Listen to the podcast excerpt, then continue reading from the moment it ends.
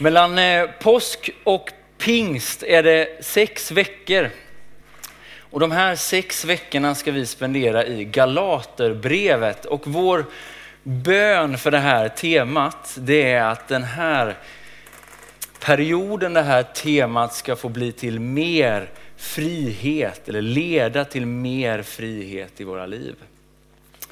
Jag måste bara få börja med att säga en grej. Nästa vecka så kommer Mikael Telbe. För er som inte vet vem Mikael Telbe är, så är han, skulle jag nog säga, en av Sveriges tyngsta bibelvetare och teologer. Och jag måste erkänna att jag har ångrat mig både en och två gånger den här veckan att jag inte lät Mikael introducera det här temat. Men om jag rör till det lite här idag så tänker jag att då kommer dimmorna att skingras nästa vecka. Kom då! Några saker behöver vi veta innan vi hoppar in i Galaterbrevet. Det första är helt enkelt att det är ett brev vi ska läsa. Det här är ett brev som är skickat in i en ganska specifik situation. Men det är också en text som är en del av Bibeln och vi tror att detta är Guds ord även för oss idag. Det är en utmaning att läsa in Galaterbrevet in i vår egen tid utan att feltolka det. Men det är den utmaningen vi står inför, för det här är Guds levande ord. Författaren till det här brevet det är Paulus.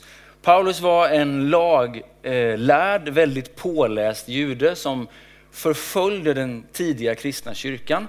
Men efter en stark gudsupplevelse så blir han istället en väldigt flitig församlingsplanterare. Och han är också en av de flitigaste författarna i Nya Testamentet. Mottagarna av det här brevet, det är församlingar i Galaten, Galatien. Någonstans i eh, dagens eh, Turkiet. Mottagarna är troligtvis till större delen hedna kristna, det vill säga det är invånare i romarriket som har tagit emot budskapet om Jesus. Motståndarna är judekristna missionärer, alltså precis det som Paulus själv är. De har kommit efter att Paulus har planterat församlingarna och deras budskap är att om galaterna verkligen vill följa Gud så behöver de omskära sig och följa vissa delar eh, av den judiska lagen. Det här är alltså en liksom, intrakonflikt inom kristendomen, en intern, skulle jag säga, en intern konflikt. Inte så att det står mellan kristendom och judendom, utan det är en intern konflikt vi har att göra med. Jag har med mig två stycken frågor egentligen till dagens predikan. Den första frågan är, varför är Paulus arg? Ilska är ju en sån här opopulär kyrkkänsla. Vi ska ju helst vara snälla, eller hur? Men ni som har läst Galaterbrevet vet att i Galaterbrevet är Paulus arg. Har han fog för den här ilskan? Det är min första fråga. Den andra frågan är egentligen, säger den här konflikten eller säger Galaterbrevet egentligen någonting till oss som lever idag? Är det relevant för oss? Men vi börjar med den första frågan. Varför är Paulus arg. Och nu vill jag att ni följer med mig till inledningen av Galaterbrevet. Kapitel 1, vers 1-10 ska vi läsa tillsammans.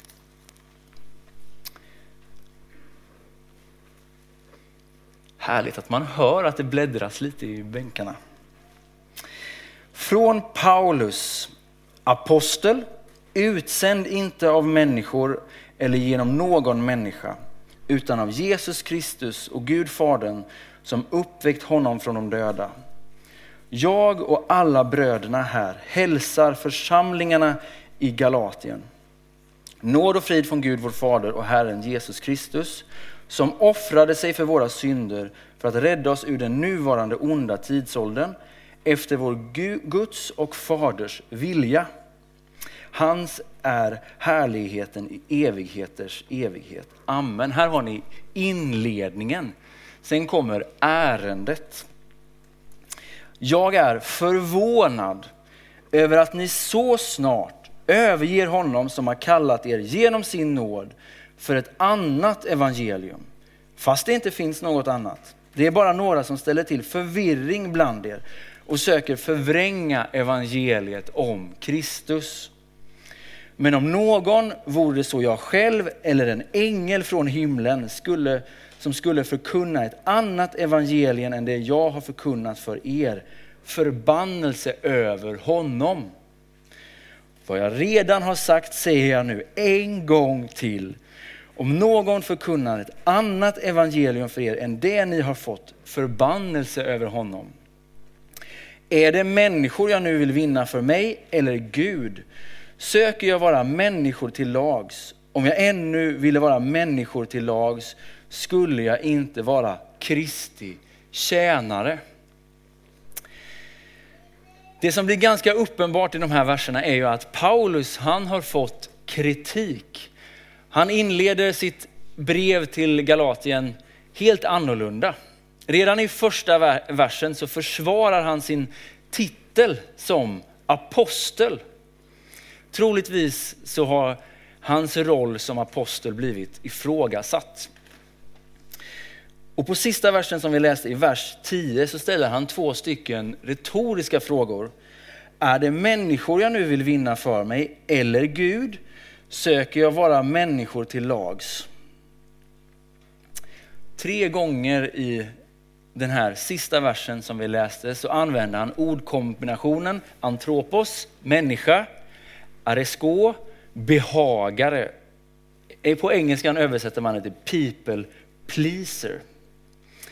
Troligt så har, troligtvis så har Paulus fått kritiken att han är en människobehagare, en people pleaser. Att han bara har predikat det som folket ville höra, att han har kliat deras öron. Och missionärernas budskap, eller deras kritik, är ju troligtvis att, eller budskap är ju att om galaterna verkligen vill följa Gud, ja men då behöver de också omskära sig och följa då vissa delar av den judiska lagen. Så Paulus han har fått kritik. Och det är ju inte så kul att få kritik. Det tror jag inte någon tycker är så jätteroligt. Men det räcker inte som ett svar på varför han är arg. Det är inte bara ett brev som är skrivet i någon slags effekt eller sårade känslor, utan det är mer som står på spel. Och man kan ju undra lite varför Paulus inte ser det här budskapet som de här missionärerna har som ett alternativt evangelium.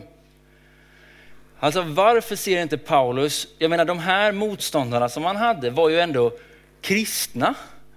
De predikade troligtvis Kristus på något sätt ändå. Varför ser han inte liksom mellan fingrarna lite och tänker att det här är en variant av ett evangelium? Varför kan inte den här undervisningen få plats under det här breda paraplyet som kallas för den tidiga kyrkan? Paulus ser inte mellan fingrarna. Han kallar det för ett falskt evangelium. Och jag tänkte jag ska ge er fyra stycken anledningar till varför Paulus ser detta som ett falskt evangelium. Paulus ansåg att missionärernas undervisning var bristfällig kristologi. Följ med mig till kapitel 2, vers 20, en bit in i vers 20 och vers 21. Jag tror att det kommer på skärmen också. Så långt jag ännu lever här i världen lever jag i tron på Guds son som har älskat mig och offrat sig för mig. Jag kastar inte bort Guds, Guds nåd. Om lagen kunde ge rättfärdighet hade ju Kristus inte behövt dö. kristologi, läran om Kristus var på spel. För Paulus var Jesu död och uppståndelse ett, en livsförvandlande händelse med vulkanisk effekt.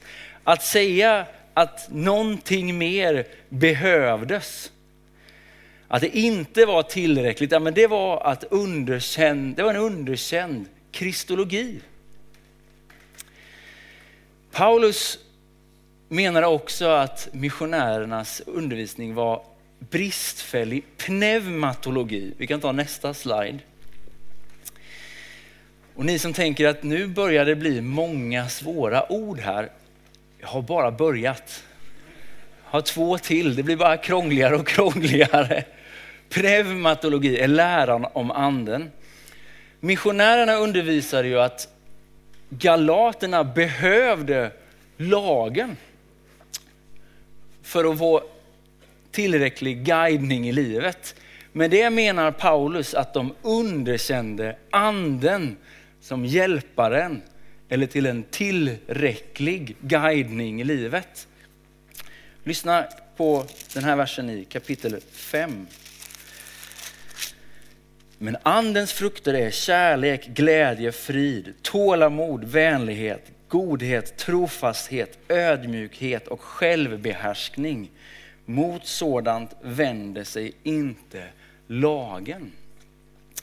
Paulus han har ju besökt Galaterna. Han har sett hur anden har manifesterats. Han har fått se underverk mitt ibland dem och han har full tillförsikt att anden är en god guide som kommer att leda till både kärlek, glädje och frid. Tålamod, vänlighet, godhet, trofast och ödmjukhet och självbehärskning. Men missionärernas undervisning var bristfällig pneumatologi. Häng med till kapitel 4. Missionärernas undervisning var bristfällig eklesiologi, alltså bristfällig lära om kyrkan. Genom att undervisa att hedningarna behövde ställa sig under lagen på nytt så drog de en kil mitt in i den kristna församlingen.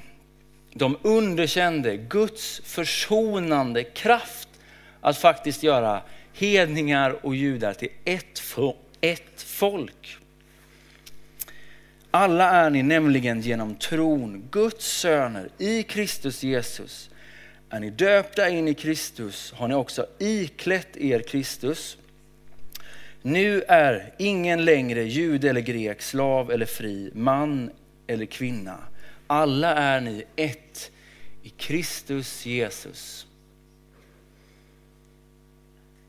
Missionärerna underkände Guds försonande kraft.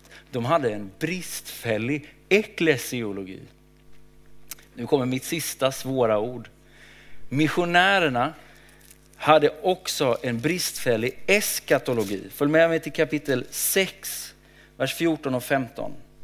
Eskatologi det är talet om framtiden eller den sista tiden säger man ibland. Så här skriver Paulus i vers 14 och 15. Men jag vill aldrig någonsin berömma mig av något annat än vår Herre Jesus Kristi kors, genom vilket världen är korsfäst, korsfäst och död för mig och ja för världen. Omskärelse har ingen betydelse och inte förhuden heller. Det är frågan om en ny skapelse. Genom Jesu död och uppståndelse så har Guds nya skapelse tagit plats i världen. Att säga att det behövdes läggas till någonting till detta var för Paulus som att säga att vi lever i en annan tidsålder. Det är frågan om en ny skapelse. Missionärerna hade också en, en bristfällig eskatologi. De såg inte hela bilden av Guds plan för världen. Okej, okay. så Tycker ni att Paulus hade fog för att vara lite upprörd och lite arg? Jag låter er döma. Jag skulle säga att han hade all fog i världen att faktiskt vara lite arg. För det var frågan om ett annat evangelium, fast det inte finns något annat. Det var något helt annat. Allting i det här brevet tyder på att Paulus inte var bara liksom vaknade upp och hade lite dåligt morgonhumör och skickade iväg ett mejl innan han fick sitt morgonkaffe på sängen. Nej, det här är ett mästerlikt skrivet brev och allting stod på spel. Därför var Paulus lite arg. Det här leder mig då in i min andra fråga för den här predikan. Har den här konflikten som skedde för över 2000 år sedan någonting att säga till oss idag? Hur kan vi liksom läsa in Galaterbrevets budskap i vår egen tid? Skolboksexemplet på att göra detta, det är ju taget ifrån Martin Luther. Martin Luther var ju reformator på 1500-talet. Han vände sig mot den katolska kyrkans användning av avlatsblev och läran om skärseld. Och är ju då fadern för den protestantiska inriktningen i kyrkan.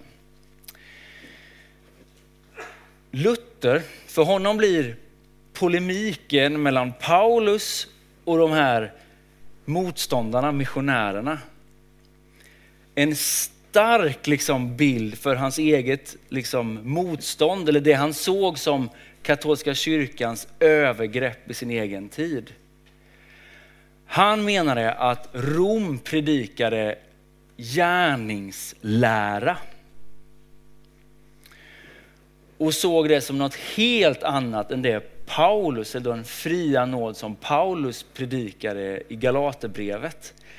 Och jag tror att Luther hade bra koll på att det var en ganska stor skillnad mellan de judekristna missionärernas predikan om omskärelse och katolska kyrkans lära om avlatsbrev.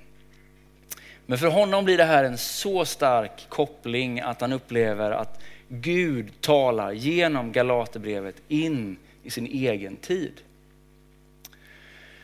Så vad har det här med oss att göra nu då? Ja, men Luthers läsning av Galaterbrevet, den har fått vingar in i vår tid.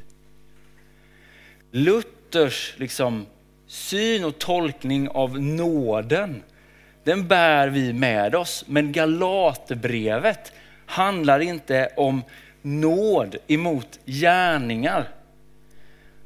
För om vi tänker att det är nåd emot gärningar, så kan vi inte läsa kapitel 5 och 6 som handlar om hur den heliga ande formar goda gärningar i våra liv. Galaterbrevet handlar om laggärningar och laggärningarnas förmåga att ställa oss i rätt relation till Gud. Det är alltså lag över Kristus som är det stora problemet. Men för väldigt många så har nåden blivit en snuttefilt. Det har blivit en ursäkt, antingen en ursäkt för att inte göra någonting, eller ännu värre, en ursäkt för att göra, liksom, rättfärdiga ett dåligt beteende. Ni vet, det är bara nåd. Men den ursäkten har ingenting med Paulus nåd att göra. Paulus nåd är inte en ursäkt. Paulus nåd är en gåva. Det är Jesus Kristus korsfäst och uppstånden för dig.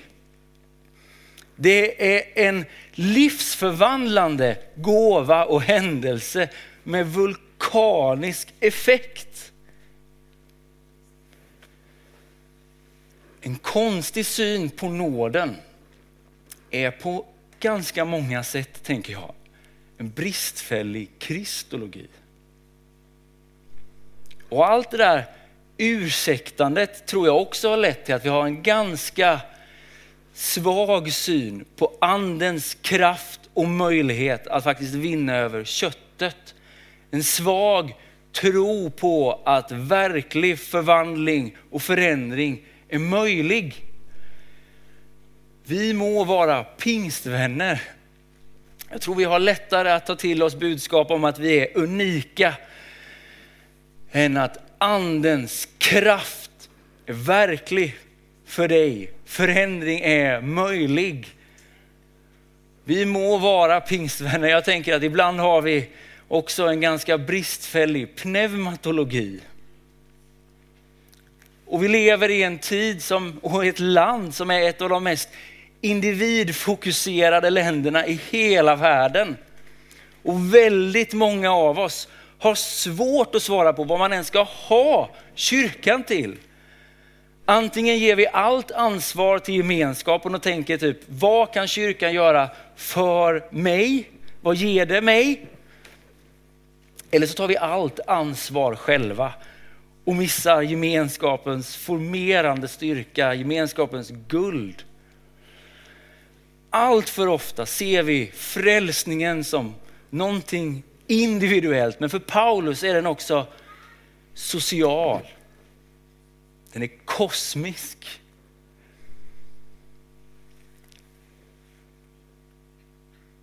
Och vi har helt köpt bilden av olika nattvardsbord.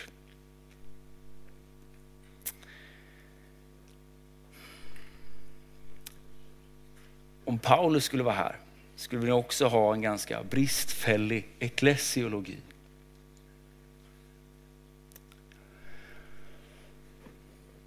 Och vi lever i ett samhälle som knappt har någon framtidstro.